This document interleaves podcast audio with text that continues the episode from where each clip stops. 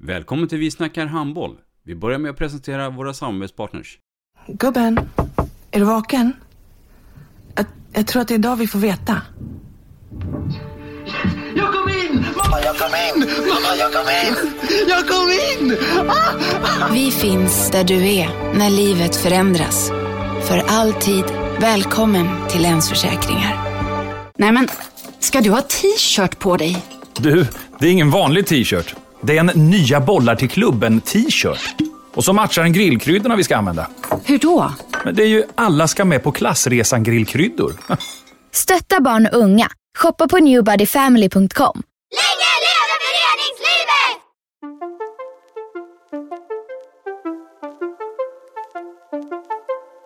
Välkommen säger vi till dig som lyssnar till den nya handbollspodden Vi snackar handboll med Robban Z. Vi snackar handboll, där du får veta alla sanningar som du inte visste att du missat. Vi snackar handboll. Idag i programmet Vi snackar handboll så eh, har vi en gäst som eh, har varit och är fortfarande enligt mig rankad som en av världens bästa försvarsspelare. Varmt välkommen Johanna Jojo Wiberg. Tack så mycket. Maria Johanna Wiberg, född 6 september 1983 i Lund. Vem är det? Låt oss nu få höra det från början.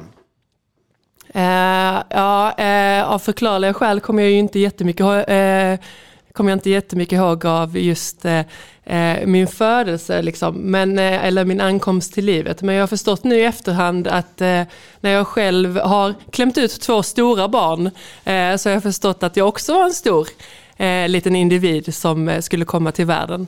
Eh, så att, eh, nej men precis som du säger, född i Lund eh, och uppvuxen eh, utanför Lund på Gunnesbo. Eh, med mamma, pappa och med tre år äldre eh, storebror. Alla har eller varit eh, anknutet till idrotten i familjen? Eller är det olika valörer där?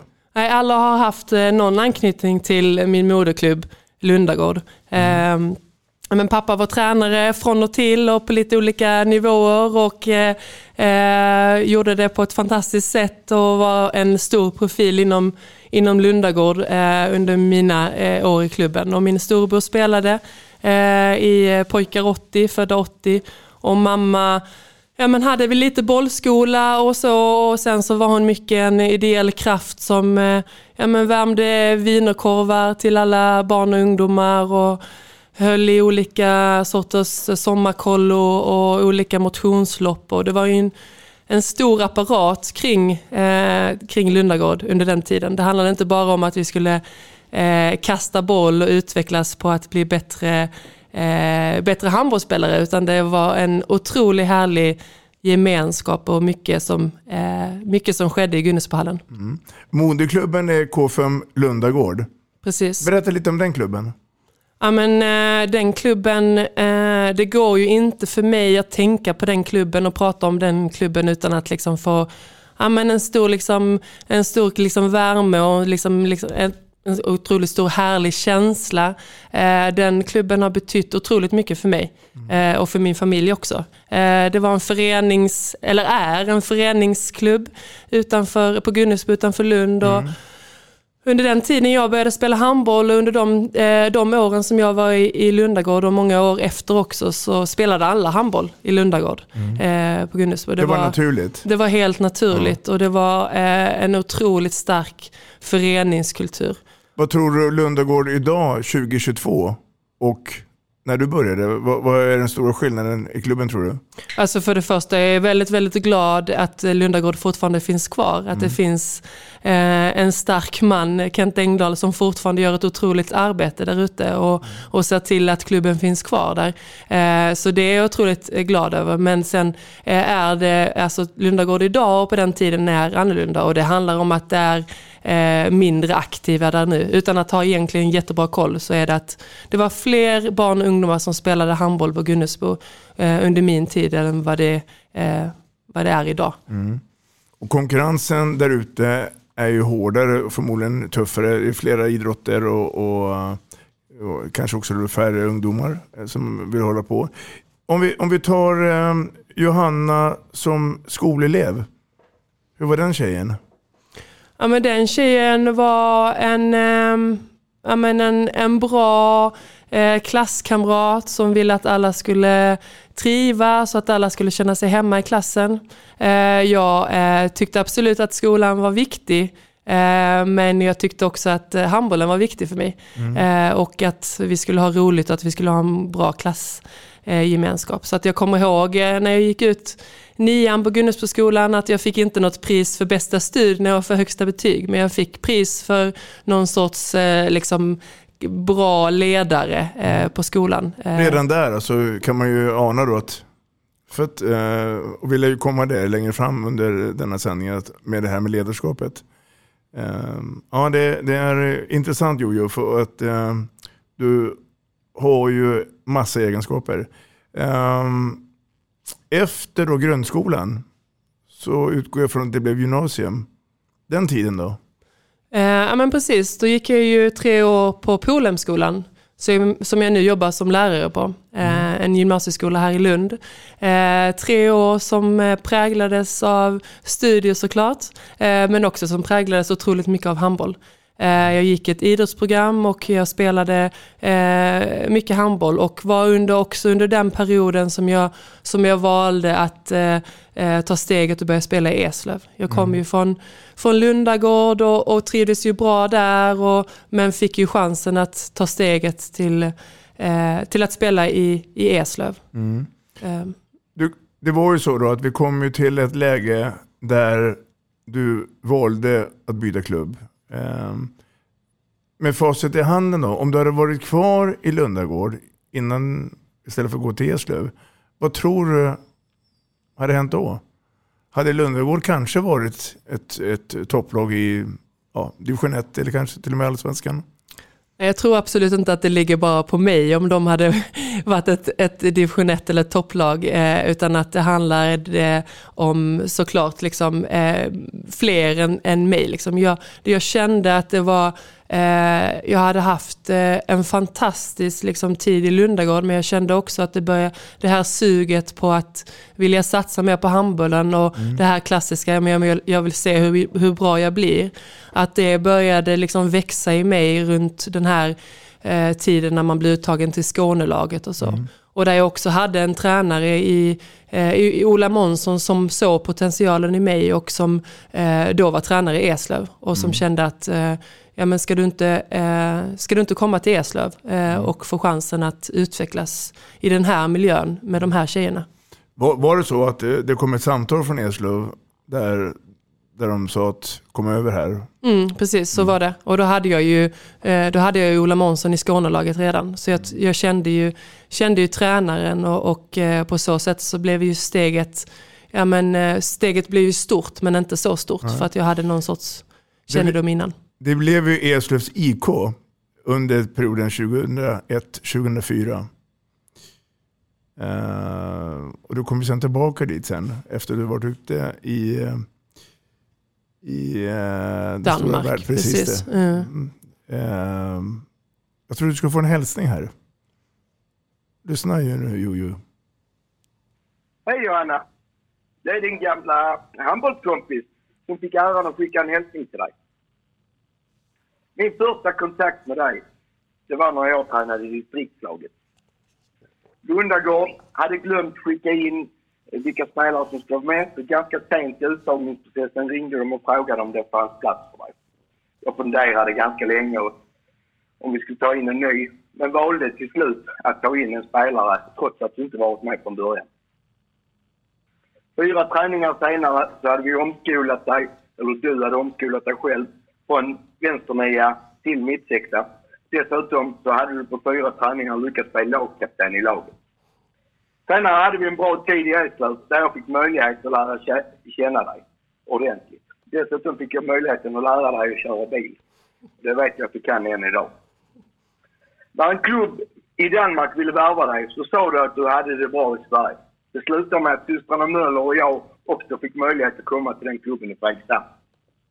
Senare återförenas vi ännu en gång i Eslöv under dina sista år som handbollsspelare. Vi har tillsammans haft fem år som spelare och ledare. Varav fyra har blivit SM-final och det femte året var i Danmark där vi lyckades gå upp en division till. Nu, nu för tiden så är, så är vi i samma kår och samar bland annat, samarbetar bland annat om skola och elever och allting annat. Din största styrka har alltid varit att vara ledare, både informellt och formellt. Det säger ganska mycket om man varit en av världens bästa försvarare över tid. Tack för de här 25 åren Johanna, som har varit hittills. Jag hoppas det blir mer i framtiden. Lycka till! Ja du, blir du rörd? Ja men det blir jag. Um, jag är ju en, en, känslomäss, en känslomänniska ut i fingertopparna. Mm. Uh, så det blir jag. Jag blir också rörd för att ja, men jag har ju redan varit inne på Olas namn. Liksom. Mm. Uh, han uh, har ju betytt otroligt mycket för mig. Mm. för att Ja, men det där klassiska liksom att det är någon som, någon som ser en och någon som tror på en och att jag är helt övertygad om att det är klart att jag har personlighetsegenskaper eh, liksom kopplat till ledaregenskaper. Eh, men det är också en tränare som ska vilja som ska liksom våga satsa på det och se det. Eh, jag måste också få chans att blomstra. Och Ola var en av de första som mm. liksom gav mig chansen att blomstra i det. Känner du att du har varit en talang eller känner du att du har fått slita och jobba hårt för den framgången som du har gjort på handbollsplan? Men eh, jag, jag, eh, jag tänker att har man tagit sig till ett eh, JU och A-landslag så har man ju en talang. Det måste man ha på något mm. sätt. Och sen så är jag medveten om att min talang inte har riktat sig till att jag har haft en, liksom en teknisk talang. Nej. Utan att min talang har varit att ja, men att jag har eh, velat göra jobbet och att jag har orkat göra jobbet.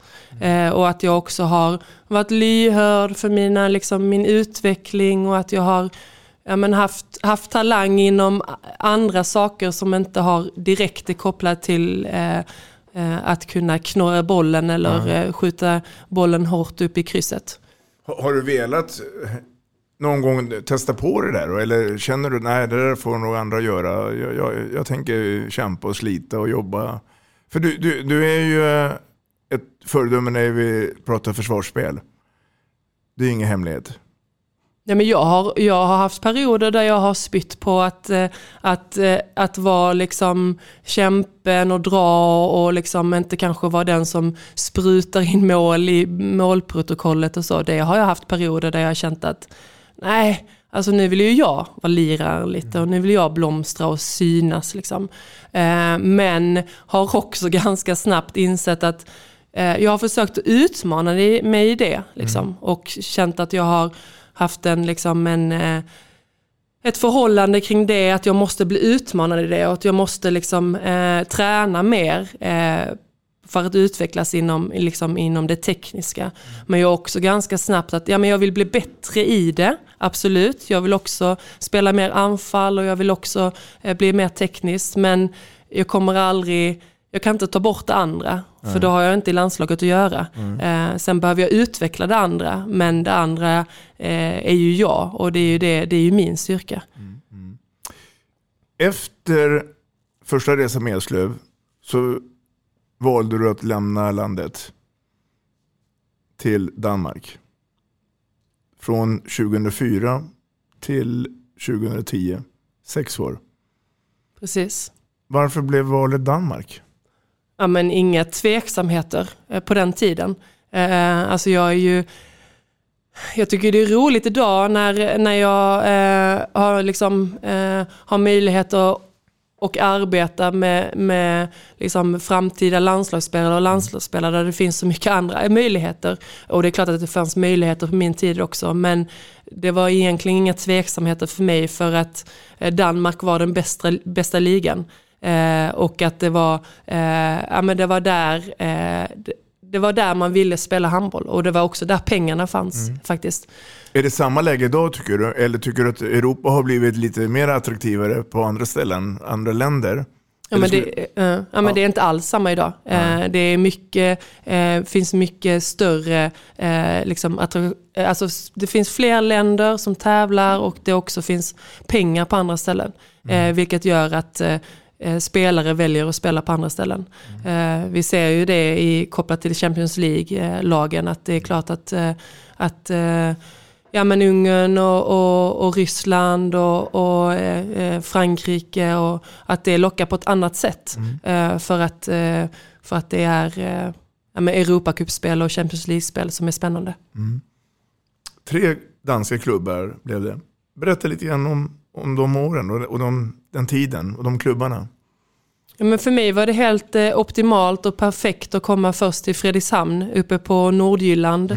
Det var där jag började och var i två år och kände att ja, men en, eh, eh, ja, men en, en liten klubb och, och hade chans att ha då Ola som tränare under första året och, och systrarna Möller eh, som lagkamrater. Och, jag var inte speciellt gammal och det var första gången jag flyttade hemifrån från, eh, från huset i Lund. Och, så det var en bra start för mig eh, att få, eh, få starta liksom min eh, Danmarksresa i Fredrikshamn.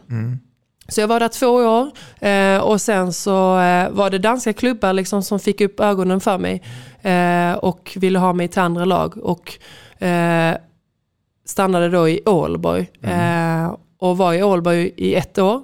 Och Ålborg var ju eh, ja, men bland de största upplevelserna rent, liksom, för då spelade vi Champions League och det var fullsatt, eh, fullsatt arena i Gigantium och det var ett otroligt, otroligt högt tryck på oss. Stort Eh, intresse också. Jättestort intresse och jag spelade ju med, eh, ja, men med de bästa spelarna under mitt år i, i Ålborg. Eh, systrarna Lunde i Norge, eh, lite andra, ja, men Matilda Boson som jag är nära vän med idag, spelade på vänsterkanten. Och, så ett otroligt eh, kraftfullt lag eh, och eh, en otroligt, ja, men, en cool tid om man kan säga så. Eh, och hade Christian Dahlmose som tränare eh, som också eh, utvecklade mig mycket och som var lite smågalen på ett, eh, ja, men på ett spännande sätt. Liksom. Var, var det en helt annan träningsmentalitet när, när du kom till, till Danmark kontra att du var i Eslöv? Eh, Eller, eller, eller var det kanske små detaljer bara som skilde? Ja men det var mer, eh, det skilde sig ju sig lite i träningsdosen såklart, som alla säger. För att jag i Eslöv eh, var tvungen att jobba vid sidan om eller gå i skolan. Eh, och under Eslövstiden så, eh, när vi tog första SM-guldet, då tränade vi alltså onsdag morgnar klockan sex på morgonen. Varje onsdag eh, som Ola la in och då hade vi teknikpass. För att vi hade inte möjlighet till att träna mer kvällstid. För att det gjorde vi ändå varje kväll och sen så hade vi skola och jobb. Eh, Medan Danmarkstiden gav ju andra möjligheter att träna två gånger om dagen. Och, och sen var det också otroligt utvecklande såklart, en träningsmiljö eh, och spela eh, med andra spelare eh, och bli ännu mer coachad och guidad kopplat till, till det tekniska och taktiska eh, med, eh, med andra spelare och tränare runt omkring sig. Ålborg ett år och sen så blev det ju då FC Köpenhamn. Precis. Mm. Eh, ja, men, jag hade det fantastiskt i Ålborg. Jag hade väl också kunnat tänka mig att stanna i Ålborg egentligen. Men kände att jag efter tre år i Danmark och efter ett distansförhållande till min, eh, min man idag som bodde kvar i Lund och jobbade i Lund så kände jag att eh, vi vill komma lite närmare varandra eh, och valde eh, då att eh, men, om jag spelar i Köpenhamn och du bor i Köpenhamn så kan vi fortfarande leva våra liv men vi kan bo tillsammans. Eh, och FCK var också liksom ett lag som det satsades på och som också fanns liksom en framtid. Så jag kände inte heller riktigt att jag, jag behöver inte lämna Ålborg och gå ner rent handbollsmässigt utan jag kan fortsätta min, min utveckling i FCK.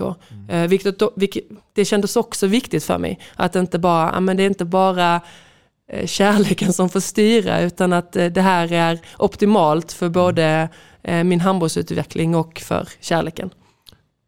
Och, och FC Köpenhamn vill ju ut också och spela i Europa. Mm, precis. Ehm, och har gjort det med blandade resultat kan man väl sammanfatta då. Har, har du mycket kontakter kvar med de här eh, gamla spelarna och ledarna i de här tre dansklubbarna? Eller har, Eh, tid sin, har tiden sin gång? Ja, lite tiden sin gång. Jag har ju, alltså som jag sa innan, så en av mina närmsta vänner idag är Matilda Boson. Mm. Eh, som jag spelade med i Ålborg och som jag också eh, spelade med i landslaget såklart och bodde tillsammans med. Så henne har jag ju god Mm, Men jag kontakt tänkte på och- eh, eventuella danska och utländska spelare. Ja, men jag har kontakt med en dansk tjej Ja. som jag kom nära, nära med i Kö- Köpenhamn som, jag, Mm. eh, som jag fortfarande har kontakt med. Men annars så blir det lite att, eh, ja men eh, tyvärr lite att tiden har sin gång. Och sen nu när jag har eh, när jag jobbar med eh, landslaget idag så reser man ju på hel, eh, en hel del och det är ju en del av de eh, individerna som har lite uppgifter i, i, inom dansk handboll och inom norsk handboll och så som man liksom träffar på dem när man är på, på samling eller något liknande. Vi går vidare. Mm. För att det är ju så då att du hamnar ju sen då tillbaka till Sverige. Och eh, du väljer då Eslöv 2010-2012. Och där blir det också framgångar. Berätta. Eh, ja, men jag väljer ju att eh, eh, komma hem till Eslöv igen efter sex år i Danmark. Och kände väl också att jag kände att ja, men det här är ju en spännande satsning som Eslöv gör nu igen. Utifrån att det är många som har varit ute och spelat i, i Danmark och i Norge och som väljer att återvända hem till Eslöv igen. Och att det gjordes någon sorts eh, nysatsning där liksom på, på oss återvändare eller vad man ska kalla oss. Eh, så kände jag att ja, men jag vill avsluta två år eh, i Eslöv. Och det var också den, under den perioden eh, där, eh, där vi var fram, framgångsrika inom landslaget också och eh, presterade där och, och tog vårt EM-silver 2010 och att det också var en, en, en utveckling och en framgång kopplat till landslagshandbollen. Så kände att nej, jag vill avsluta lite i Eslöv innan jag känner att jag är färdig med handbollen. Eh, och, och, då har det också kommit lite nya eh, spelare till Eslöv där. Eh, kan du berätta lite mer om, om laget där i Eslöv då? Så jag tänker på individerna, spelarna. Eh, oj Robban, nu får jag rota liksom. Ja, eh, det men jag. Det är, ju- ja, det är ju jättespännande. Eh, får jag rota här lite i huvudet. Men alltså man... Eh, vi... Eh, jag vet ju att vi var några återvändare som, som kom hem liksom, i, kopplat till systrarna Möller och, eh, och Sara Eriksson och, och, och så vidare. Och, eh, sen är det ju eh, Eslöv, eh, en fantastisk liksom, under, ungdomsklubb där det fanns såklart spelare och material underifrån också som, som lyftes upp. Ehm, så att eh, en bra liksom, mix av unga, eh, hungriga. Eh, vi hade två Karlshamnstjejer, kommer jag ihåg, som pendlade från Karlshamn till Eslöv. Eh, Jenny Johansson eh, varje dag för träning och var unga hungriga. Liksom. Eh, och så fick vi hem några liksom, eh, gamla liksom, eh, hungriga men inte så unga. Liksom. Eh, så det blev en bra mix eh, och vi fick trycka in vår erfarenhet och de fick liksom trycka in sin, eh, eh sitt hunger. Eh, så ja, men två härliga avslutande år i Eslöv, absolut. Mm, mm. Nu när vi gör, gör den här eh, poddavsnittet med Johanna så är vi ju i arenan i Lund och om det är nu så att vi hör lite musik i bakgrunden så håller man på att förbereda för helgens eh, SM-slutspel här. Men jag tror inte att det ska påverka oss någonting. Eh, jo, jo, jag tänker då på en annan karriär inom handbollen och det är ju då den blågula landslagströjan.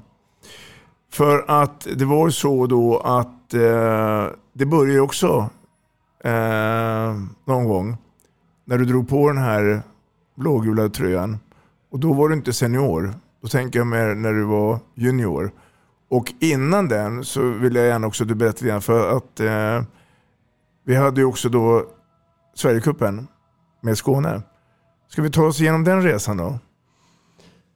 Ja, men du, nu tillåter du mig att liksom grotta liksom i minnena igen. Men, Och det gillar eh, jag. Ja, eh, ja, men eh, Skånelaget, eh, ja, men en, härlig, liksom, en härlig tid såklart. Eh, att få, eh, få chans att eh, sättas ihop med de bästa i Skåne och få lära känna andra, andra tjejer i Skåne som, eh, som älskade handboll. Hur, hur bra var den årgången om du jämför med resten av årgången i Sverige? Ja, inte speciellt bra. Lagom Nej. bra skulle jag säga. Ja. Eh, Jag kommer faktiskt inte ihåg vilken eh, placering vi Nej. kom på eh, under Sverigecupen. Eh, Men jag hade ju kommit ihåg om vi tog guld och det gjorde vi inte. Nej. Så att, eh, eh, vi var väl eh, lagom bra tänker Förmodligen jag. i Stockholm eller i Göteborg. Det är säkert någon som kommer lyssna här som kommer rätta oss. Men jag har inte heller koll. Men Nej. för resultaten är bara en siffra. Ja. Eh, Det är upplevelsen och händelsen. Eh, Precis, Eh, men fantastiskt, en fantastiskt härlig tid och liksom det är klart att det är för en för en tjej i den åldern och, och få en chans liksom, och, och faktiskt bli uttagen på det sättet så är det ju någonting som, ja, men som lyfter, som lyfte mig eh, och också fick mig också att ta beslutet att ja, men, eh, det här kanske jag ska satsa på. Och innan i Lundagård var det mycket att jag, ja, men jag spelade ju handboll för att jag älskade och tyckte det var roligt och för att mina kompisar gjorde det. Eh, Medan här blev det ändå ett kvitto på att ja, men, eh, det här kanske jag ska satsa vidare på. Och då tar vi då landslagstiden då, och då tänker jag mig att eh, det är väl också någonting som du får eh, använda dina hjärnceller och komma ihåg. Men, men debuten med J-landslaget, minns Mm. du den? Mm, den minns jag faktiskt. Det var en... Eh, eh, jag vågar inte helt säga om det var ett sock eller om det var, men det var i alla fall en turnering i Danmark. Mm. Eh, som jag minns väldigt starkt. Jag minns inte jättemycket kring eh, vi måste ju ha mött Danmark i och med att vi spelade i Danmark. Eh, Men jag kan inte minnas så mycket liksom, kopplat till exakt matcherna och exakt resultat och så. Men jag kan, eh, jag kan på något sätt se mig hallen framför mig. Eh, Jag kan också se eh, min förberedelse inför landslagsläget. eh, Som var mycket kopplat till det som var runt omkring. Eh, oj, mamma jag ska sjunga nationalsången.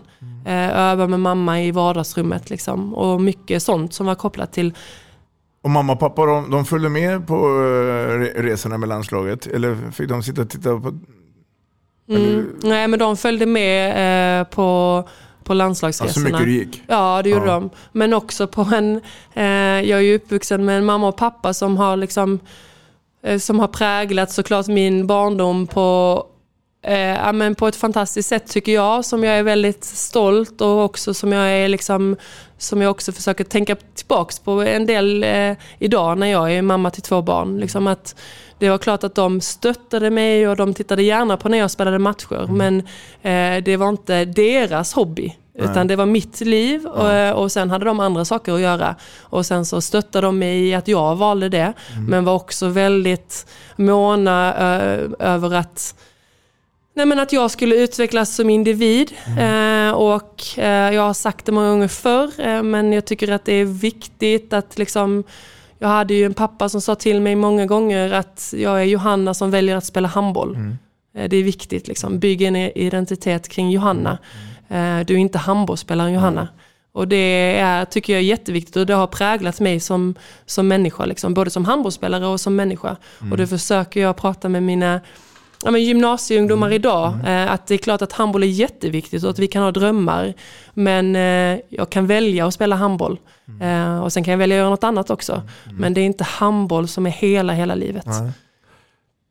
Och det har väl förmodligen vuxit på i takt med att du har blivit äldre och du har skaffat familj. Jag tänkte vi skulle komma tillbaka till familjen, men, men jag vill ändå eh, ägna några minuter till eh, det blågula då. Eh, Förbundskaptenen för JOU, vem var det? Ja, men det var ju en eh, helt fantastiskt härlig kvinna i, i Buttan som hade ju Ja, jag har ju inte träffat henne på senaste tiden tyvärr, men som la ju ner sin, eh, ja, sin själ och sitt hjärta i vårt lag och hade också haft tidigare årgångar.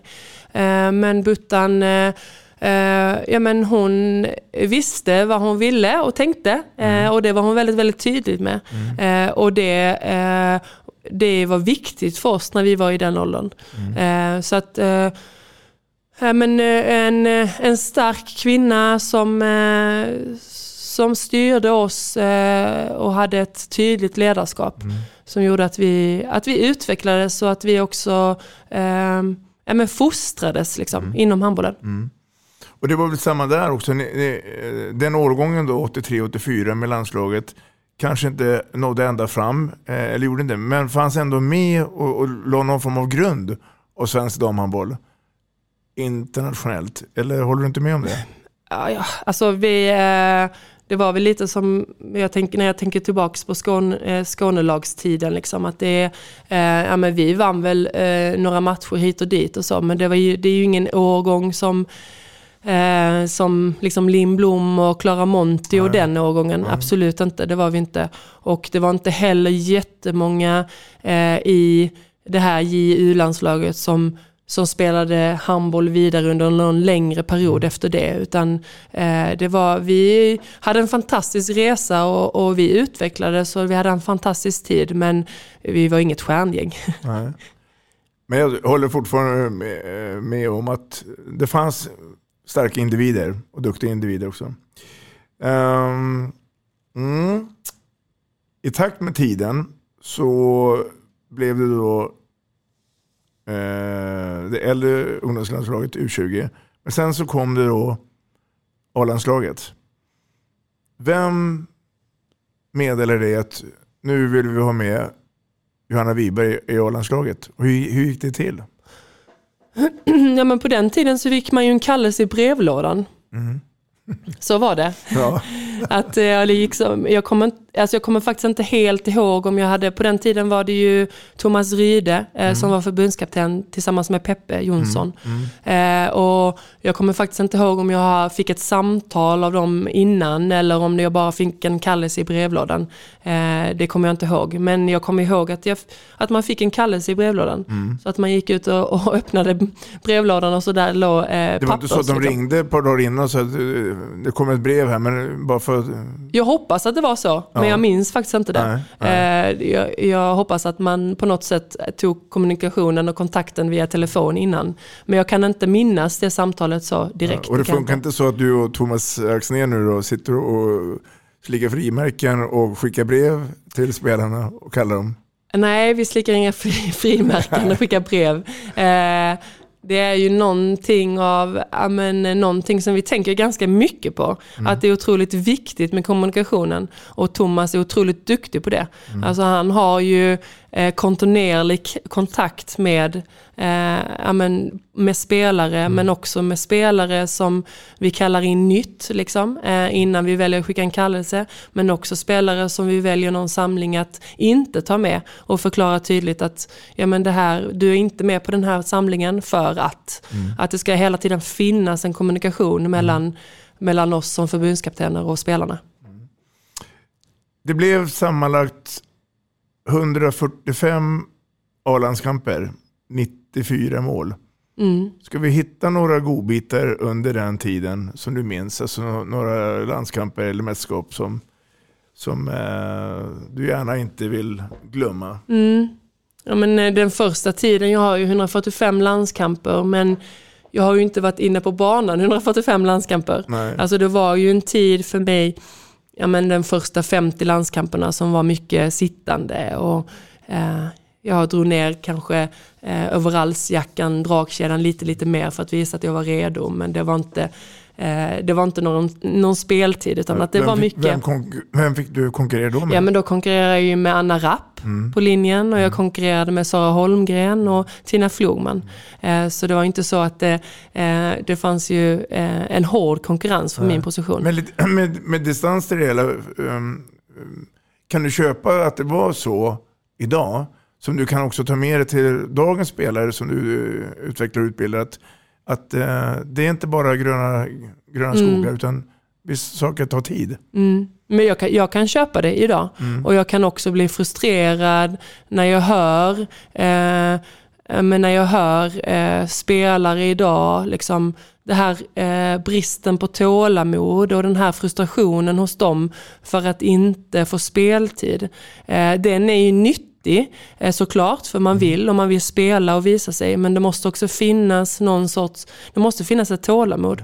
Ehm, Och det eh, var väl på något sätt min talang, liksom, Mm. som vi pratade om innan. Att jag, att jag, det är klart att jag ville spela, men jag förstod också att om jag fortsätter göra jobbet så kommer jag ju få speltid framöver. Ja, det blev ju en, en härlig resa måste jag få säga eh, för dig. Mm. De valde att ha dig som lagkapten i landslaget. Mm. Hur tog du det? Men jag tog det eh, genom att jag eh, blev såklart jätteglad och kände också ganska snabbt att eh, ja, men de har ju valt mig som lagkapten, eh, inte för att jag ska göra någonting som jag inte gör idag. Eh, så själva rollen för mig eh, blev ju inte liksom blev ju inte någon stor skillnad. Det är klart att det blev liksom skillnad rent kopplat till att eh, springa först in på planen i ett upprop och dela ut flagga och så. Men rent liksom på träningar, på matcher och i taktiken och, eh, var det ingen skillnad för mig. Känner du att du var mer delaktig som lagkapten än de andra spelarna när vi exempelvis pratade med hur ska vi spela i spelet? Eller? Ja, men alltså jag, blev, jag blev ju mer delaktig för att jag såklart hade eh, en tätare dialog med, eh, med Per Johansson. Eh, och att det blev, eh, eh, ja, men att, att som lagkapten så blir man ju någonstans en hand mellan laget och mellan ledarteamet. Och det, eh, det var ju jag. Eh, så att jag hade ju mycket kontakt med Per eh, under min, när jag var lagkapten. Eh, och, och också att Precis som Ola Månsson fick mig att blomstra liksom under Skånelagstiden och sen i Eslöv så fick ju Per mig att blomstra i landslaget. Eh, och verkligen liksom vågade ja, men vågade ge mig utrymme och vågade lita och tro på mig som lagkapten och spelare. Att jag kände mig liksom eh, jag kände att jag hade mandat till det. Att, inte, eh, att han litade på mig i det. Och det fick ju mig till att blomstra och fick mig till att eh, eh, liksom njuta av den rollen. Jag tittar lite grann i historia böckerna och statistiken. Det blev en hel del mästerskap. Mm. OS. Mm. Um, skulle du vilja hitta några godbitar? Vi hade ett EM på hemmaplan 2006. Mm. Uh, som kanske inte gick jätte, jättebra sportsligt. Uh, OS i Peking 2008. Mm, fantastiskt. OS i Peking 2008. Alltså det är... eh, Ja men bara att ett OS är ju helt fantastiskt och allting som är runt omkring ett OS. Men också att eh, ja, men den resan vi hade gjort fram till OS. -et. Eh, Jag kommer ihåg första mötet eh, med Uffe eh, och han sa till oss, ja men vi ska spela OS i Peking. Och alla skrattade liksom och tänkte, men och han, vilket, liksom, vilket hjärta han la in i det och han skrev handskrivna brev till oss och skickade hem till oss med feedback och med och, och den resan som vi gjorde och den träningskulturen som vi skapade. Som faktiskt skapades då fram till det OS 2000, 2008. Så själva liksom OS i sig och att vi också faktiskt gick till kvartsfinal och åkte ut mot, mot Norge eh, var ju helt fantastiskt. Men den resan fram till det eh, var ju, ja, men är ju otroligt, otroligt stark för mig. Från att ha spelat i Ja men i Tjeckien i små hallar där det var ribbstolar på båda sidorna och det kanske var 20 på läktaren liksom på någon kortsida. Till att, ja, men till att eh, bli inbjudna till turneringar och, och faktiskt eh, kvalificera sig till ett OS är stort. Mm. Alla de här förbundskaptenerna som du jobbar med, det är ett par stycken. Och, och, och alla har ju sina egenskaper. Men om man skulle slå ihop alla de här, hur, hur skulle du vilja, hur skulle du vilja, hur skulle en, en framgångsledare se ut då? Skulle, berätta lite grann, jag tror du förstår vad jag är Mm. ute efter. Mm. Ja men eh, då skulle jag ju ha eh, Uffe som jag sa, liksom, som skulle stå för eh, mycket liksom, till att vi måste träna. Vi bygger upp vårt, eh, vårt självförtroende kopplat till att vi ska vara bäst tränade och så. Eh, liksom gristräning och man kunde inte riktigt förstå ibland varför gör vi det här. Liksom.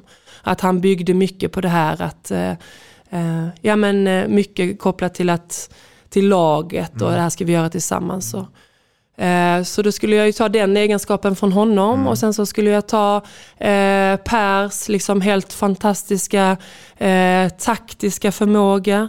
Eh, hans förmåga till att liksom se spelet och matchplanen och, och så. Men också kryddat med Pers, liksom det jag var inne på, Pers förtroende för mig. Liksom, Kopplat till att eh, se mig och låta mig blomstra i min roll. Och sen så skulle jag vilja krydda med, eh, med bagans liksom, entusiasm och kanske lite snudd på galenskap. Ehm, så nu har jag ju säkert glömt någon som jag kommer eh, eh, ligga och tänka på i natt, liksom, som, som såklart också har präglat. Men de tre liksom, eh, männen och de tre egenskaperna blandade liksom, eh, och det taktiska från, från Per och ja men det skulle ju bli, eh, då har ju Axnér och jag ingen chans. Ja, det är bra. Du, eh, jag tror ju en medspelare till dig har betytt mycket för dig. Jag tänkte backa tillbaka lite grann i tiden. För att du ska få en, eh, en hälsning här från en eh, spelarkollega och numera en kollega utanför gult. Och hon har samma dialekt som dig. Låt höra här får vi se. Hej Jojo, Lina Möller här. Jag har fått äran att prata lite om dig. Vi har känt varandra i över 20 år nu och du kom som 18-åring till Team Skåne, Eslöv, där jag hade varit i några år. Vi tänkte att nu får vi ta hand om den här unga tjejen från division 2 men det märkte vi snabbt att nej, du var fullt kapabel att ta hand om dig själv. Lite handboll, spelsystem fick vi lära dig men det här med elitsatsning, att träna hårt, kämpa var något du redan hade i dig. Laget hade länge haft som mål att ta SM-guld och det lyckades vi med. Det är 20 år sedan nu. Magiskt. Sen spelade vi tillsammans i Danmark, Fredrikshamn. Vi hade varit lagkamrater i Eslöv men det var här i Danmark som vi blev riktigt bra vänner. Det fanns inte så mycket att göra i Fredrikshamn mer än att träna och hänga du och jag och syrran. Efter det tog din karriär fart på riktigt och det var härligt att se hur du utvecklades till en världsspelare. Lagkapten i landslaget. Du har alltid fått träna hårt för att nå dit du ville och du har inte fått så mycket gratis. Ja, kanske din längd och snabba fötter. Du hyllar säkert inte dig själv i detta program, så det kommer jag göra nu. Jojo, du är en fantastisk människa, en nära vän, en lagspelare, en sån alla vill ha på sitt lag. Du är omtänksam, ställer upp, är en partyhöjare, gnäller aldrig även om det handlar om tuff fysträning eller när livet är tungt på andra sätt. Du har humor, du är väldigt rak, ärlig och tydlig vilket jag alltid uppskattat. Jag kan fortsätta att hylla dig länge och berätta många historier. Men du får stå för historierna idag. En fråga förresten. Det här med att vara handbollsnörd, det har du alltid sagt att jag var. Men kanske dags att börja erkänna att du är lite handbollsnörd du med. Två jobb med handboll, tränar för din dotters lag, går tränarutbildning. Eller vad säger du ju? Ta hand om dig, ses snart. Puss och kram. Ni ser inte det, men eh, vi har fått vår gäst att falla en liten tår. Lina Möller. Mm. Mm. Ja men inte bara en tår Robban. Wow. Eh, ja, men om det blev känslosamt när Ola pratade eh, med sin breda skånska så blev det ju ännu mer känslosamt när Lina pratade. Eh, Vad har ja, hon men- betytt för dig då? ja, men vad hon har betytt, hon betyder fortfarande otroligt mycket för mig. Mm. Eh, Lina är ju ja, men en av mina närmsta vänner idag. Eh, ses ju tyvärr inte så ofta på grund av att, eh, men att det är liksom en bit mellan oss och vardagslivet liksom rullar på och så. Men eh, väljer att prioritera och ses och prata såklart. Eh, ibland för att vi eh, vill det. Eh, så hon, har, ja, men hon beskriver ju det som att hon Lina är ju tre år äldre än mig och jag kom liksom som lite vilsen i, i Eslöv och sen så fick jag liksom, lä, liksom chansen att lära känna, känna Lina och hennes, liksom, hennes, eh, hennes elitsatsning eh, som var väldigt seriös, som smittade av sig på mig på ett positivt sätt. Men också det otroligt stora hjärtat Lina har. Eh, som jag som är det som jag får ta del av idag. Det här elitsatsandet Mm. har vi ju inte gemensamt idag utan att det är det stora hjärtat och att ja, men Lina är en nära vän eh, till mig och vi har barn i ungefär samma ålder så att eh, ja, men, eh, betyder otroligt mycket Mm. för mig. Hennes undran där om det här med nörderiet. Ja men det var väl någonting som, eh, ja men Lina är ju en otroligt, eh, ja men, eh, målmedveten, seriös kvinna på alla sätt och vis. Eh, alltså det går ju inte att prata med Lina utan att hon eh, liksom planerar och sätter mål och ja men vad ska vi nu ha? Eh, alltså hon är väldigt, eh, om hon tycker att jag är tydlig så är hon liksom ännu, ännu tydligare.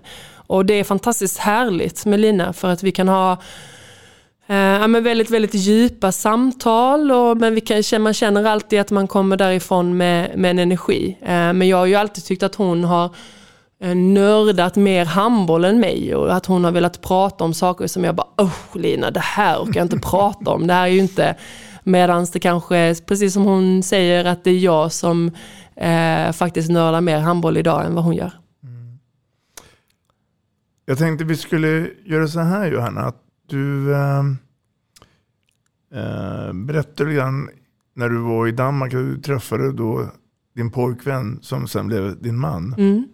Ska vi ta kort lite grann om familjesituationen här då? Mm.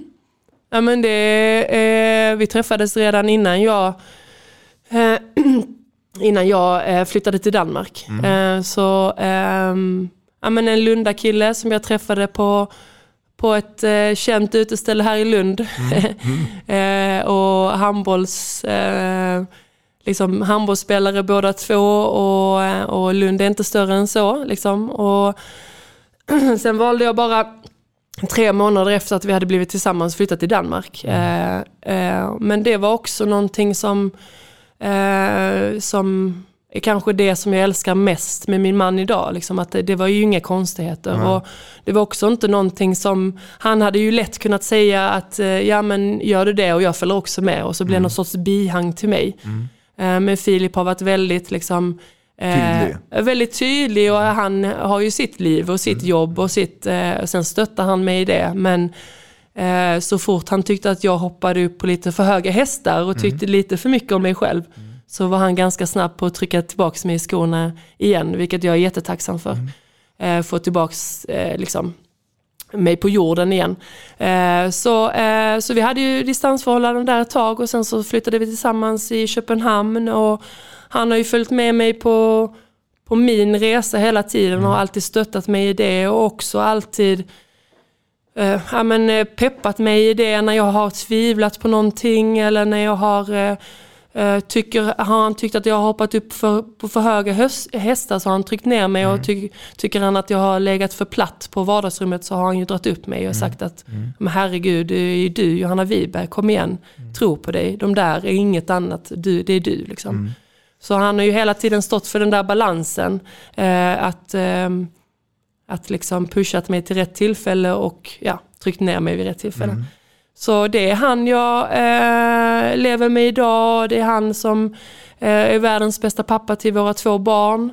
Eh, och ja, det är liksom en, eh, eh, men en fin saga som jag, eh, som jag har Tacksam valt och för. som jag är tacksam för. Mm. Och barnen då, kommer de bli som mamma, pappa och handbollsspelare? Eller hur tror du det här då? Ja men skämtsamt nog brukar jag alltid säga att de inte har något val liksom. Eh, och då har de väl inte på, på, på, liksom på till viss del att jag har valt att gå in och vara en av fyra tränare för min dotter idag. Eh, eller ledare. Men jag är också otroligt mån och, över att tänka liksom att, att jag aldrig vill att någon ska jämföra min dotter med mig. Eh, det får man aldrig liksom, det är klart att hon har eh, liksom, eh, genetiska förutsättningar. Det är en lång tjej och liksom, som, för att det är jag som är mamma. Men att jag aldrig vill att det är någon som ska jämföra henne med mig. Liksom. Jag kan nog klara av det, det har inte jag problem med. Men för hennes skull. Liksom. Så, så länge hon vill spela handboll så eh, får hon spela handboll. Och sen får vi se vad fyraåringen väljer att göra när han blir lite äldre. Det är helt rätt. Man vet aldrig, han kanske blir svensk mästare också. Absolut, då väljer de att bli det så, så eh, kommer jag stötta dem i det, absolut. 2012 så tar ju den spelande karriären slut för dig. Och fyra år innan, eh, 2008-2029, så blir du utsedd till årets handbollsspelare. Och jag skulle kunna säga utan att det finns en årets försvarsspelare gång på gång på gång på gång. Men du väljer att lämna den aktiva karriären. Kände du det att det var ett tufft beslut eller kändes att det var logiskt att ta farväl för den spelande karriären? Ja, men jag väljer att inte se det som varken tufft eller logiskt utan att det var tufft och logiskt. Mm. Det, liksom, det var, jag hade ju bestämt mig innan eh, OS i London 2012 att det här är det sista jag gör. Och jag ville också vara ganska liksom, ärlig med det inför liksom, där under sommaren, både inför mig själv men också eh, inför Per eh, Johansson som var förbundskapten och så att eh, ja, men det här är mitt beslut och jag känner att det är rätt och det kommer inte gå att påverka eh, någonting. Liksom, och att det var min sista säsong och det betydde liksom eh, och jag var också väldigt, väldigt tydligt att det bety- betyder ju såklart inte att jag inte kommer vara redo att vara där. Alltså jag var så bra jag, så bra jag var tränad i OS i, i London 2012. Det var ju inte någon annan gång under min karriär. Eh, men jag kände också att det var jag hade varit ganska skadedrabbad med min axel och hade genomgått lite operationer. Och började också känna att eh, ja, men det här som har varit min talang innan, att orka göra jobbet och liksom det som har drivit mig, det börjar, eh, det fanns där fortfarande men det fanns inte där till 100%. Ja. Och då kände jag att det inte det är inte rättvist eh, ja, men för varken mig själv eller liksom mina lagkamrater. Du lämnar inte handbollen. Du eh, blir tränare. Och eh, sen också assisterande. Tränare, assisterande för Lugi, två säsonger, 12 och 14. Och sen så är det någon förmodligen som hör av sig till dig och, och säger tjena Jojo, nu ska du med här på det här tåget. Eller hur gick det till? Ja men ungefär så gick det till faktiskt. Jag hade ju, eh, jag jobbar ju eh, under tiden när jag var assisterande i Lugi eh, till Dragan så har jag också under, under många år jobbat som eller jobbar fortfarande också som gymna- gymnasielärare på Polhemskolan och där har jag ju handboll på skoltid, nio elever. Och jobbade då tillsammans med Thomas Axner under, under ett läsår där. Så det var så det började och jag och Thomas har ju inte riktigt, det är klart att som sagt Lund är inte jättestort eh, och handbolls-Sverige är inte, absolut inte jättestort heller så vi har ju träffat på varandra men jag kan inte säga att vi kände varandra. Men att han tog en eh, kontakt med mig eh, första gången i, ja, på bollhuset efter en, efter en NIU-träning där på morgonen. Eh, och presenterade vad han tänkte och tyckte och varför han tänkte så. Eh, och sen så fick jag ju det, låta det liksom såklart marineras lite i mig. Eh, och eh, liksom, jag hade ju inte alls tänkt i de eh, banorna. Och visste ju inte heller att Axnér skulle ta över landslaget. Eh, så att eh, jag var ju tvungen att ta det, ta det till mig och lyssna och liksom låta det marineras i sig. Ha- Han nu åka hem till eh, mannen Filip och, och prata med honom, apropå det här med höga hästar och, Mm. och det. Ja men det, eh, det, det gjorde jag ju absolut. Men var, det var också viktigt för mig att först liksom låta det sjunka in i mig själv. Liksom, och inte höra alla andras åsikter. För att det handlar ju ändå om assisterande förbundskapten. Och skulle jag, alltså, det är ju svårt att inte bli lockad av det erbjudandet. Liksom. Så för mig var det också viktigt att först känna efter själv innan att höra alla andras kommentarer kopplat till att ja, men det är assisterande förbundskapten, det är klart att du ska hoppa på detta. Eh, så, att, ehm, så först liksom, känna efter själv och, och sen så absolut höra av liksom, och ehm, prata med nära och kära runt omkring en för att få kloka råd. Och det är en rolig roll, Ja men jag... eh, misstänker jag, och ser det på dig också. Mm, ja men jag, eh, jag stormtrivs ju i min roll. Och jag trivs ju ännu bättre i min roll idag än vad jag gjorde eh, liksom för ja, men ett och ett halvt år sedan när jag hoppade på resan. Eh, det är klart att det tar en tid att liksom komma in i det och hitta liksom min roll och att jag och Thomas ska hitta vår, eh, vår väg och så. Eh, men eh, jag trivs otroligt bra och det är otroligt, eh, ja men det är ju ett, det är ju svårt att säga att det inte är ett inspirerande jobb jag har.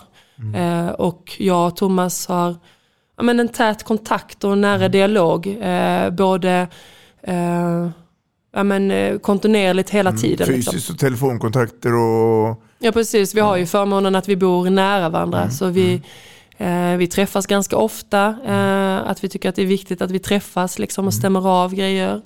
Eh, men också såklart telefonkontakt däremellan. Men, men då får vi nog hålla med Lina att, eh, att både du och Thomas är ju riktiga nördiga handbollsledare nu då. Mm. Apropå då, då ledare, och vi pratar ledarskap.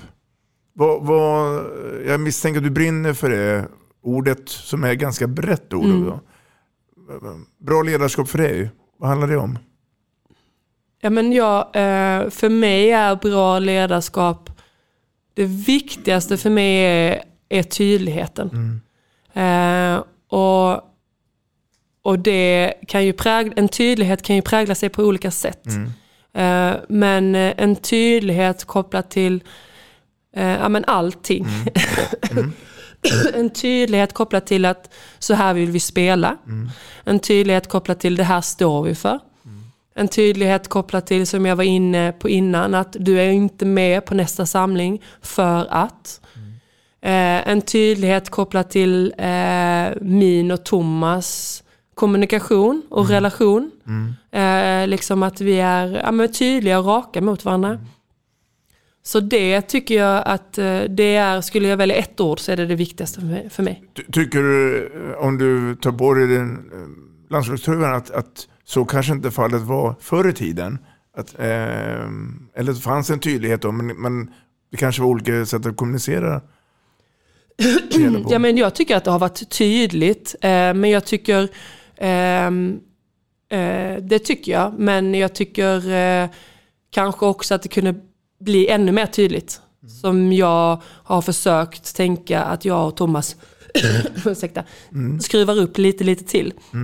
Eh, men jag vill inte säga att det inte var tydligt på min, eh, på min tid. Alltså skulle du fråga 20 andra ledare så skulle tydlighet absolut vara någonting som de lägger vikt vid också.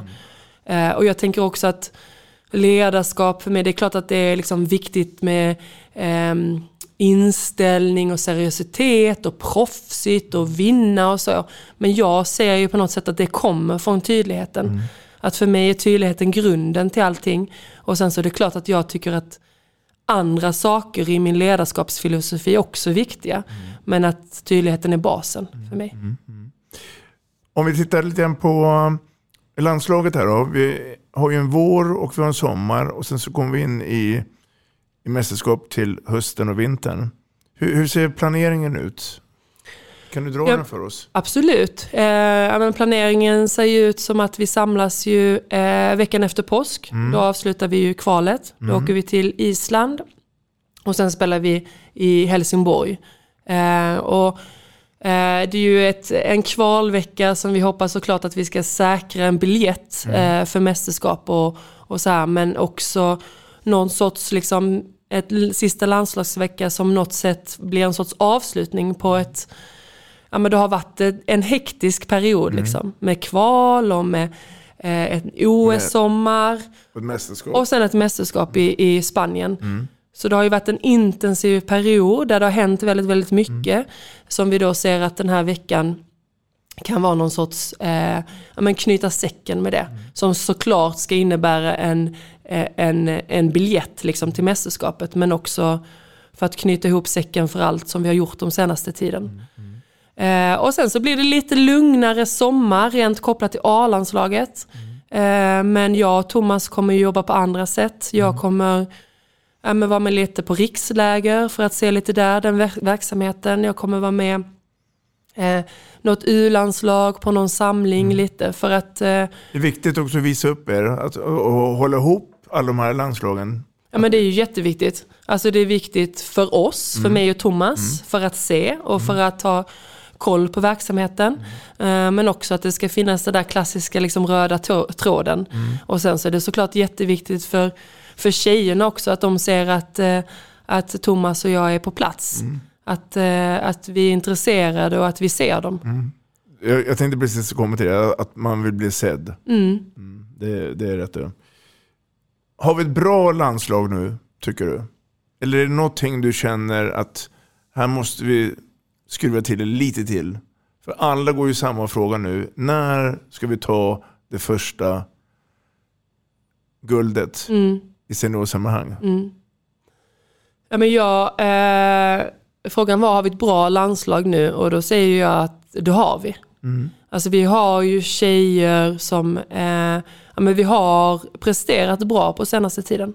Vi har också tagit saker eh, rätt liksom framåt i vår utveckling. Jag tycker att vi har ett jag menar, oftast eh, de flesta matcherna så har vi ett bra försvarsspel tillsammans med ett målvaktsspel och sen så har vi ju utvecklat ett, ja, men ett fantastiskt omställningsspel eh, på senaste tiden. Så det eh, är, är jag otroligt nöjd med eh, och vi har också ett bra landslag kopplat till att alla vill vara där och gör, liksom, är otroligt professionella i det. Utan att säga att de inte har velat vara det innan men det är vi otroligt, otroligt nöjda med. Eh, sen så behöver vi skruva på saker och ting. Och vi, eh, det vi tänker liksom är liksom rent kopplat till spets Mm. anfallsmässigt. Mm. Att vi har inte speciellt mycket skytte Mm. i dagens landslag. Eh, vi hade ju velat ja, men spetsa till det med mer en, med en, med en skytt. Eh, och få ett bättre, vi har ett otroligt fint duellspel framåt där vi gör mycket eh, mycket mål och vi har ju liksom fantastiska mittsexor som är eh, eh, ja, men otroligt, otroligt duktiga. Men vi behöver få spets mer kopplat till, till skyttet. Liksom. Och, och då är det väl så också, det, det, det är inte bara att du och Thomas kan alltså, gå på någon affär och köpa en skytt, utan det skapar ju i klubbverksamheten. Mm. Eh, och, eh, det, det, för det, det hör vi ofta, det, och ni berömmer och hyllar, det är klubbverksamheten, det är där det händer. Eh, det, att sköta landslaget, det, är ju, det kanske är som ett litet, om du får säga smörgåsbord, men, men där gör man kanske små detaljer. Hur får vi fram mera skyttar då? Ja, men precis som du säger, vi, alltså, vi har ju tjejerna på lån liksom, när vi har landslagsverksamhet. Eh, eh, men och därför så är det ju det de gör i klubbarna och med tränarna på klubbnivå som är det viktiga. Eh, men, och det är ju det är ju någon satsning som måste ske liksom underifrån. Och det är, har börjat redan nu, liksom att, det, att vi gör några sorts projekt liksom, kopplat till att eh, liksom satsa på specifikt eh, skyttar eller spa, satsa specifikt på eh, vänsterhänta spelare eller vad vi ser att det har ett, vi har ett behov av. Eh, så det är det det krävs ju, en, en satsning och att eh, Ja, men att jag och Thomas kommer ut i klubbverksamheten eh, eh, och eh, visar oss där på träningarna också. Eh, jag vet att Thomas är eh, ja, men mycket ute i klubbarna i elitserien. Eh, har varit det under sina två år som förbundskapten och att det är många tränare där som har sagt att ja, men det här, är, här har aldrig varit en förbundskapten Nej, hos oss innan. Eh, Att vi syns mer, att vi är mer intresserade av deras verksamhet. Att vi mer vågar vara tydliga, återkommer jag till, och säga att det här vill vi att ni jobbar med den här spelaren. När vi har henne på våra samlingar så har vi bara hennes till låns. Men när hon är hos er så önskar vi att hon jobbar på det här sättet. Att vi den, ja, men den kommunikationen att den, och den kontakten, att den finns. Eh, Den är viktig. Den är jätteviktig. Mm, jag håller helt med dig. Jag instämmer. Du, eh, hyllar du alla spelare som vill bli proffs? Eller tycker du att lugn och fin, eh, var kvar i SHE ett tag till? Eller tycker du att får de chansen så ta chansen då och direkt? Hur, hur tänker du här? Eh, för det mesta hyllar jag alla som vill bli proffs. Mm. Och tänker att det är ett rätt, eh, liksom ett, det är ett bra steg i deras utveckling. Mm. Så för det mesta tänker jag så. Eh, om, om det är eh, ja, men att det är att man vill kunna eh, lägga mer tid på sin handboll, eh, kunna kanske pausa sin, eh, juristutbildning eller att man har avslutat sin juristutbildning och att man vill bara spela handboll och utvecklas inom det.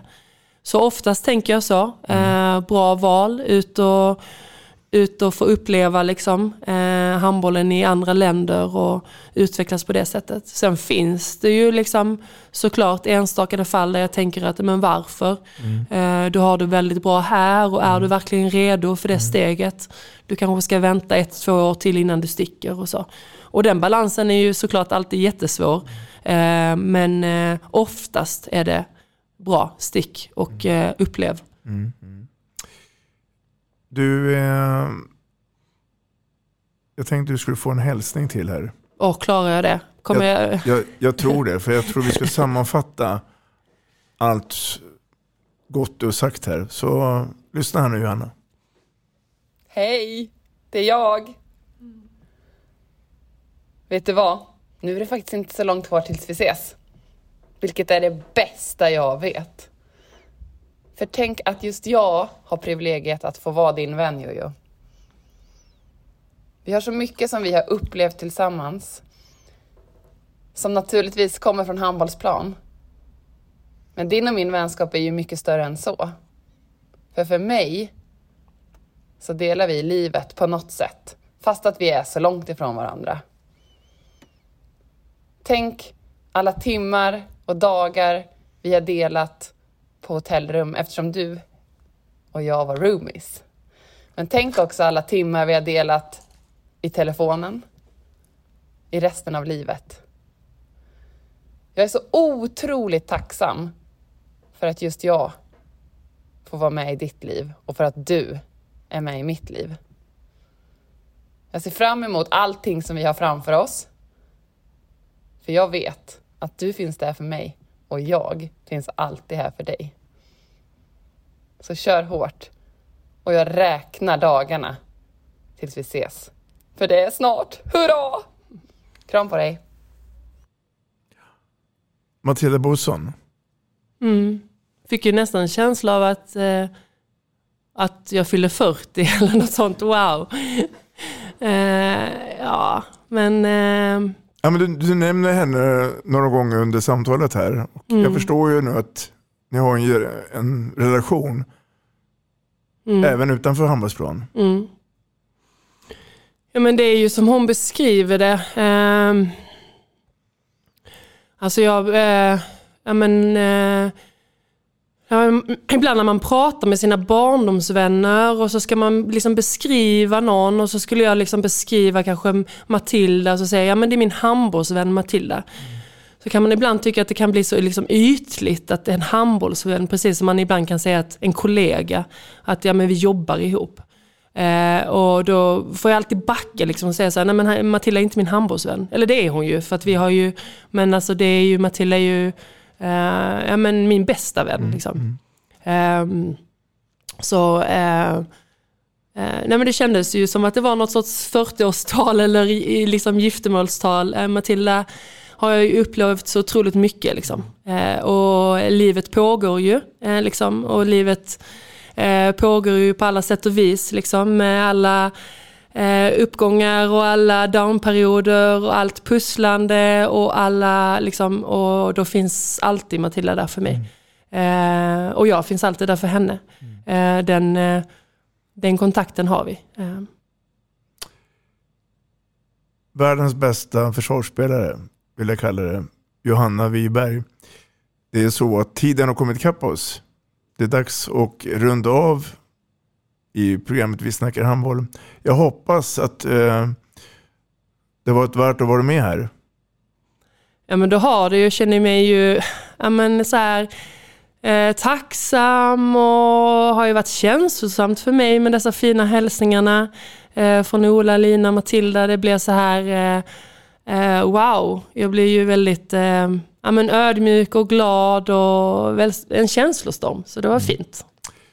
Tack för din medverkan och eh, ha nu en trevlig vår och sommar. Tack detsamma.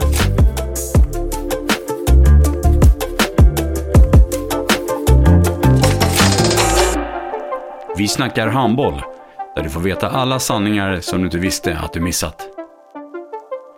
Vi snackar handboll. Vi snackar handboll produceras av produktionsbolaget High On Experience. Från vision till passion. Ett avslutande tack till våra samarbetspartners. Hallå! Kommer ni eller? Ja, ja. Har du sett mina ankelsockar? De här? Nej, nej, jag menar skridskoslip till juniorlaget Ankelsockarna. Ja, men kolla bredvid träningsläger med handbollstjejerna-t-shirtarna. Stötta barn och unga. Shoppa på newbodyfamily.com. Länge! Gubben, är du vaken? Jag, jag tror att det är idag vi får veta. Jag kom in! Mamma, jag kom in! Mamma, jag kom in! Jag kom in! Ah! Vi finns där du är när livet förändras. För alltid välkommen till Länsförsäkringar.